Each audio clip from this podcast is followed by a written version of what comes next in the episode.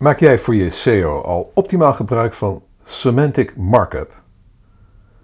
Semantic markup, ook wel rich snippet, schema markup en structured data genoemd, is het verrijken van je webpagina's met metadata. En Google is daar dol op. Semantic markup stelt Google in staat om beter te begrijpen waar je tekst over gaat. En daarmee om deze beter weer te geven in de zoekresultaten. Zowel qua positie als qua zichtbaarheid. Want dankzij semantic markup kan Google bijvoorbeeld jouw reviewsterren bij je vermelding in de zoekresultaten tonen. Om al je bestaande content optimaal te voorzien van semantic markup is echter een enorme klus. Voor MediaWeb gaat het bijvoorbeeld om meer dan 200 blogs. Gelukkig kunnen we met de hulp inroepen van kunstmatige intelligentie om ons veel van het werk uit handen te nemen. Maar voor ik verder ga, wens ik je eerst een hele goede morgen, goede middag, goede avond of goede nacht. Want wanneer je ook luistert, ik vind het heel bijzonder dat je je kostbare tijd de komende minuten met mij wilt delen om te luisteren naar mijn podcast van deze week met de titel Semantic Markup met AI. Geef je SEO een enorme boost.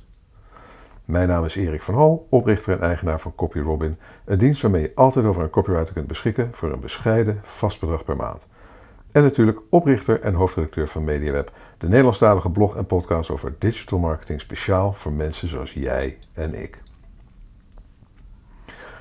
Semantic markup is binnen SEO een onmisbare factor. Maar niet iedereen weet precies wat het is en hoe het werkt. Soms lees je erover als rich snippets, dan weer als schema markup en dan weer als structured data. Het komt uiteindelijk op hetzelfde neer het verrijken van webpagina's met extra informatie die onder water in de HTML-code wordt toegevoegd. Zo begrijpen zoekmachines beter en sneller waar jouw website over gaat en waarderen ze jouw website uiteindelijk hoger. Wordlift, link in de blogpost, een AI-gedreven SEO-bedrijf, deed onderzoek naar de positionering in zoekresultaten en de CTR, de doorklikratio van websites die gebruik maken van de juiste semantic markup.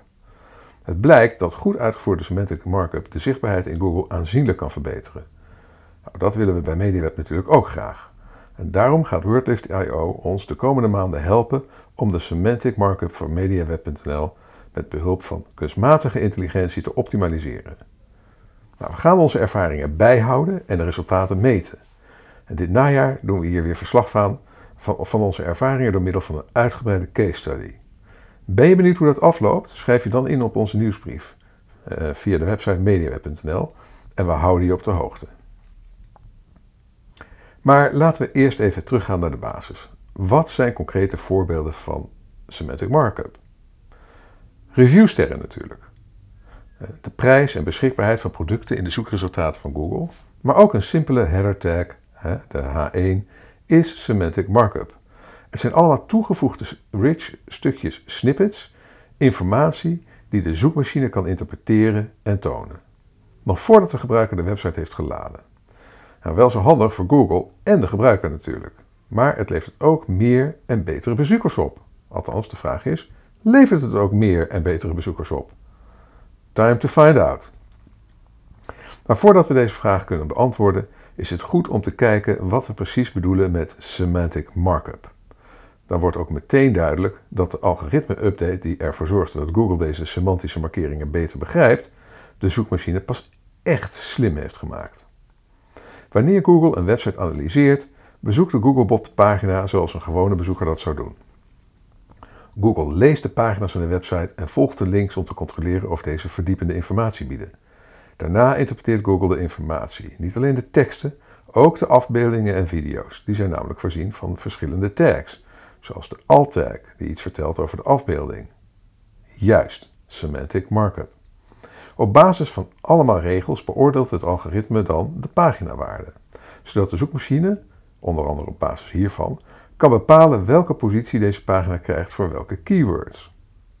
Oké, zo simpel is het nu ook weer niet.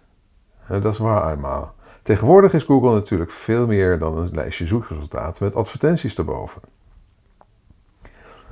In 2013 introduceerde Google Hummingbird, de Hummingbird Update. Nou, wist je dat een update die naar een dier vernoemd is, traditiegetrouw een hele belangrijke is? Denk aan de fameuze Penguin Update voor het herkennen van slechte links, de Panda Update voor slechte content, de Pigeon Update in 2014 waarmee Google lokale zoekresultaten belangrijker maakte.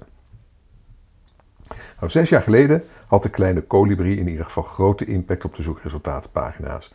Sinds Hummingbird weten we namelijk dat de zoekmachine bezig is met een wereld waarin voice search steeds belangrijker wordt. Na de Hummingbird update herleidt Google de vraag steeds vaker uit de context, contextual search. Vervolgens toont Google het juiste antwoord al binnen de zoekmachine zelf, als exclusieve rich snippet. Die wordt trouwens ook wel eens rich cards of answerbox genoemd. Google biedt de informatie in ieder geval op zo'n manier aan, de gebruiker aan, binnen de zoekresultatenpagina, dat hij in feite niet eens hoeft te klikken. Maar hoe krijg je dan toch een verbeterde CTR door semantic markup? Nou, het is al jaren een onderwerp van discussie, maar tot op heden ontbraken de cijfers om te bewijzen dat semantic markup leidt tot een hogere positie in Google en een betere CTR, die click-through rate. Recent onderzoek van WordLift bracht daar verandering in. Uit dit onderzoek blijkt dat traffic op websites met de juiste semantic markup maar liefst 18% kan toenemen.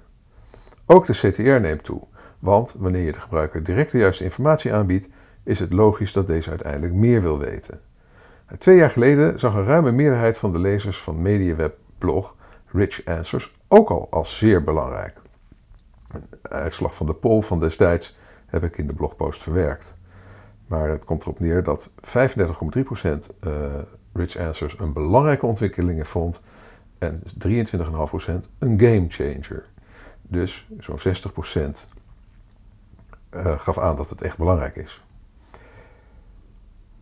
Uh, nu je meer weet over semantic markup en de mogelijkheden, is het tijd om te kijken welke markup relevant is voor jouw website. Er zijn verschillende toepassingen waarvan je eerst moet weten dat ze er zijn voordat je ze kunt toevoegen. Behalve de al eerder genoemde recensies, prijzen en voorraden zijn er nog ontelbare andere toepassingen beschikbaar. Hier volgt een kort overzicht van de belangrijkste semantische markeringen die je aan je website toe kunt voegen.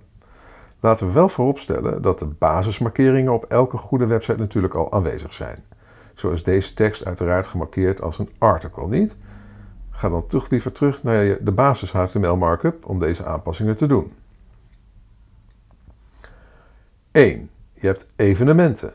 En voor een evenement is de datum het belangrijkste, maar ook de start- en eindtijd zijn ook super relevant. Dit kun je natuurlijk gewoon toevoegen via semantic markup. 2. Creatieve werken.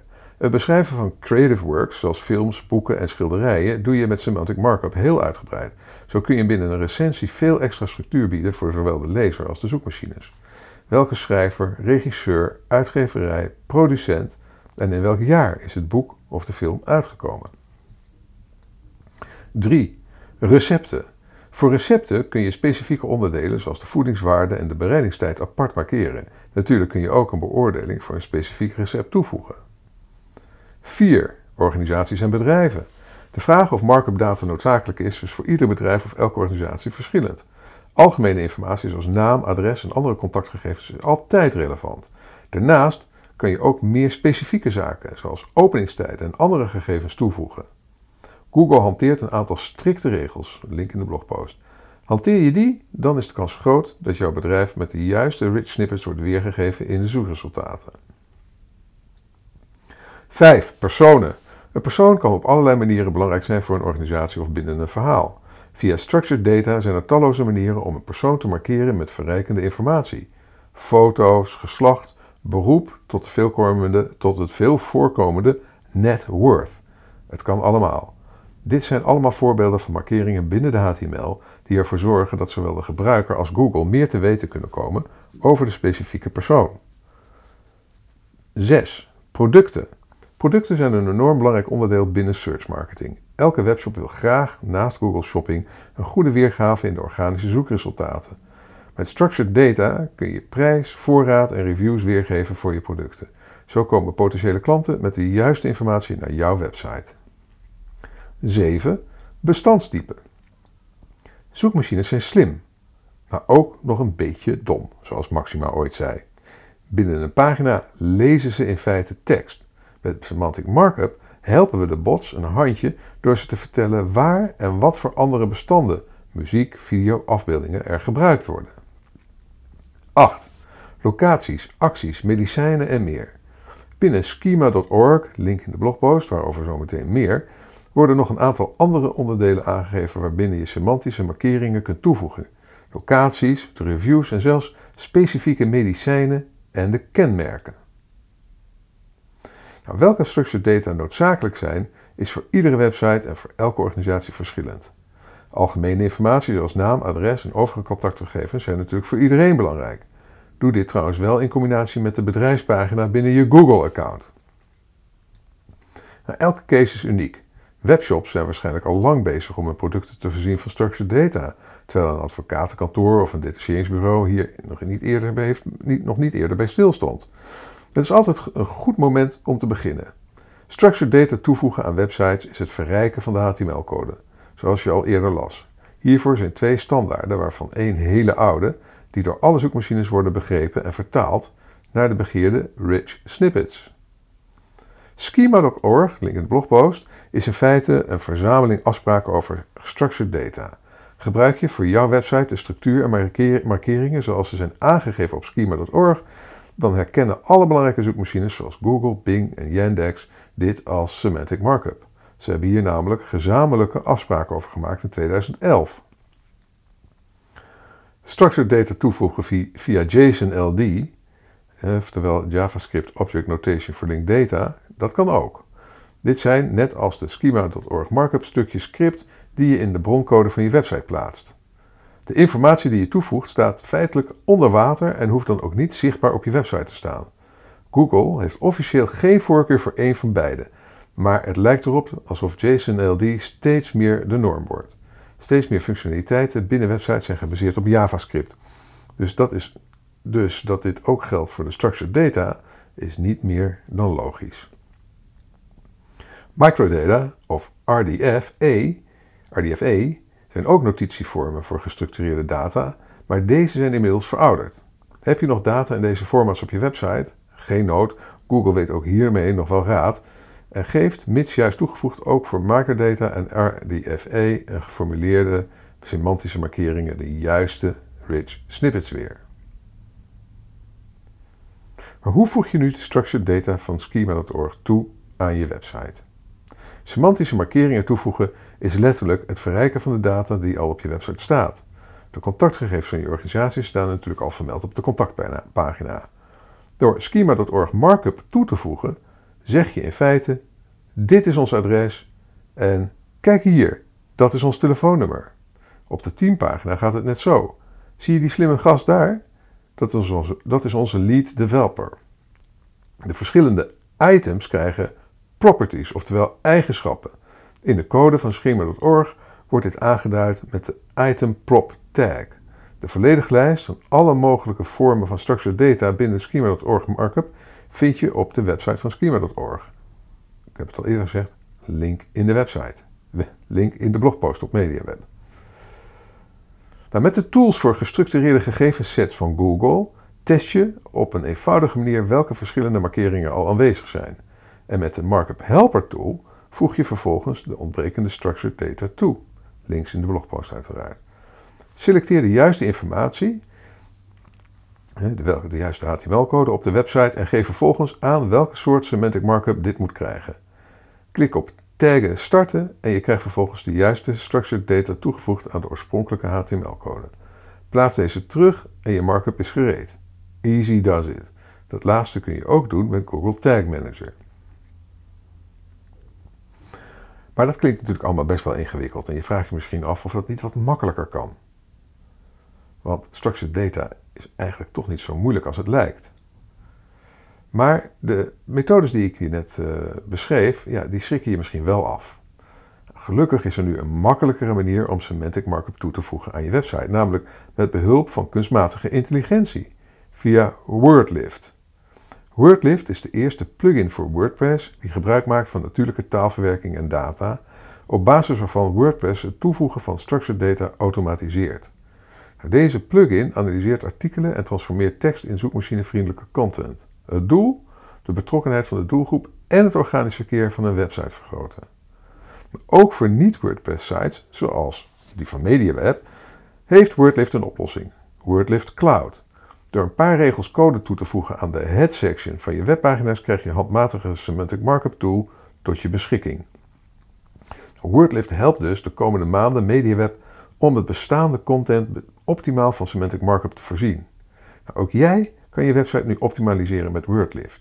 En in de blogpost van deze week, uh, dus van, van 27 uh, uh, juni 2019, daar vind je dus onderaan het artikel, helemaal onderaan het artikel, de link. Een link die, uh, en als je die gebruikt, dat is dus zeg maar een, een, een partnerlink van Wordlift voor MediaWeb. Als je die link gebruikt, dan krijg je van Wordlift 50% korting op je eerste maand. En een persoonlijke trainingssessie. Ook daarvoor heb ik een linkje in de blogpost opgenomen.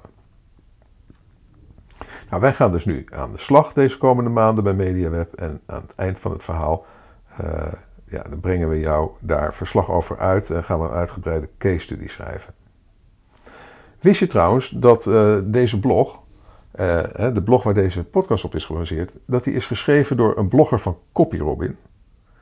En vroeger kostte het mij, nou, nou, in dit geval deze blog, ik viel wel mee, denk ik, maar zeker een uur of acht om die te schrijven. En tegenwoordig, nou, misschien eh, een half, een drie kwartier, een uurtje dat ik er nog mee bezig ben. Dus een enorme tijdsbesparing. Nou, ik brief mijn kopje op in Ghostwriter en ik doe de eindredactie. En zonder mijn Ghostwriter zou ik mijn blog en podcast nou, echt niet meer kunnen volhouden. Als jij ook veel tijd en geld wilt besparen op blog, op je blog, overweeg dan om het uit te besteden bij CopyRobin. Ga naar copyrobin.nl en plaats een gratis proefopdracht.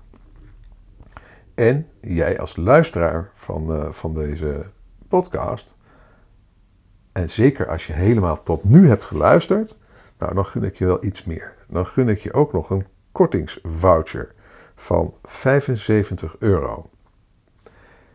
En uh, alles wat je daarvoor moet doen, is mij op een of andere manier en dat kan via de website, via het formulier, maar het kan ook via een mailtje naar uh, info.copyrobin.nl. Eventjes, maar het kan ook via LinkedIn uh, of een reply op de e-mail als je de e-mail hebt ontvangen. Uh, overigens zit in de e-mail zit ook die kortingsvoucher. Daar kun je heel makkelijk naar die kortingsvoucher toe. Um, maar als je dus van CopyRobin gebruik wilt maken en je wil 75 euro korting op je eerste maand, dan neem contact met me op. Vertel, je dat je, vertel me dat je deze podcast hebt geluisterd. Of zoek de voucher op in de e-mail van deze week. Van de week van 27 juni 2019. En, en gebruik hem. Maar je kan hem dus ook aan me vragen. Nou, dat was het voor deze week. Heel erg bedankt voor je aandacht en voor het luisteren. Nou, als je graag elke week een notificatie wilt ontvangen met het onderwerp van de blogpost en de podcast, schrijf je in op onze nieuwsbrief via bit.ly slash mediaweb-nieuwsbrief. Als je met plezier hebt geluisterd en je bent nog niet geabonneerd op deze podcast, abonneer je dan via Apple Podcasts of Soundcloud. En als je vindt dat andere online marketeurs en entrepreneurs naar deze podcast zouden moeten luisteren, laat dan een review achter bij Apple Podcast, Apple Podcast of Soundcloud. En deel deze podcast met je sociale netwerken. Je kunt ook deelnemen aan de conversatie over dit onderwerp door een reactie achter te laten onder de blogpost op onze website mediaweb.nl. Nogmaals, heel erg bedankt voor je aandacht en je tijd en tot de volgende keer.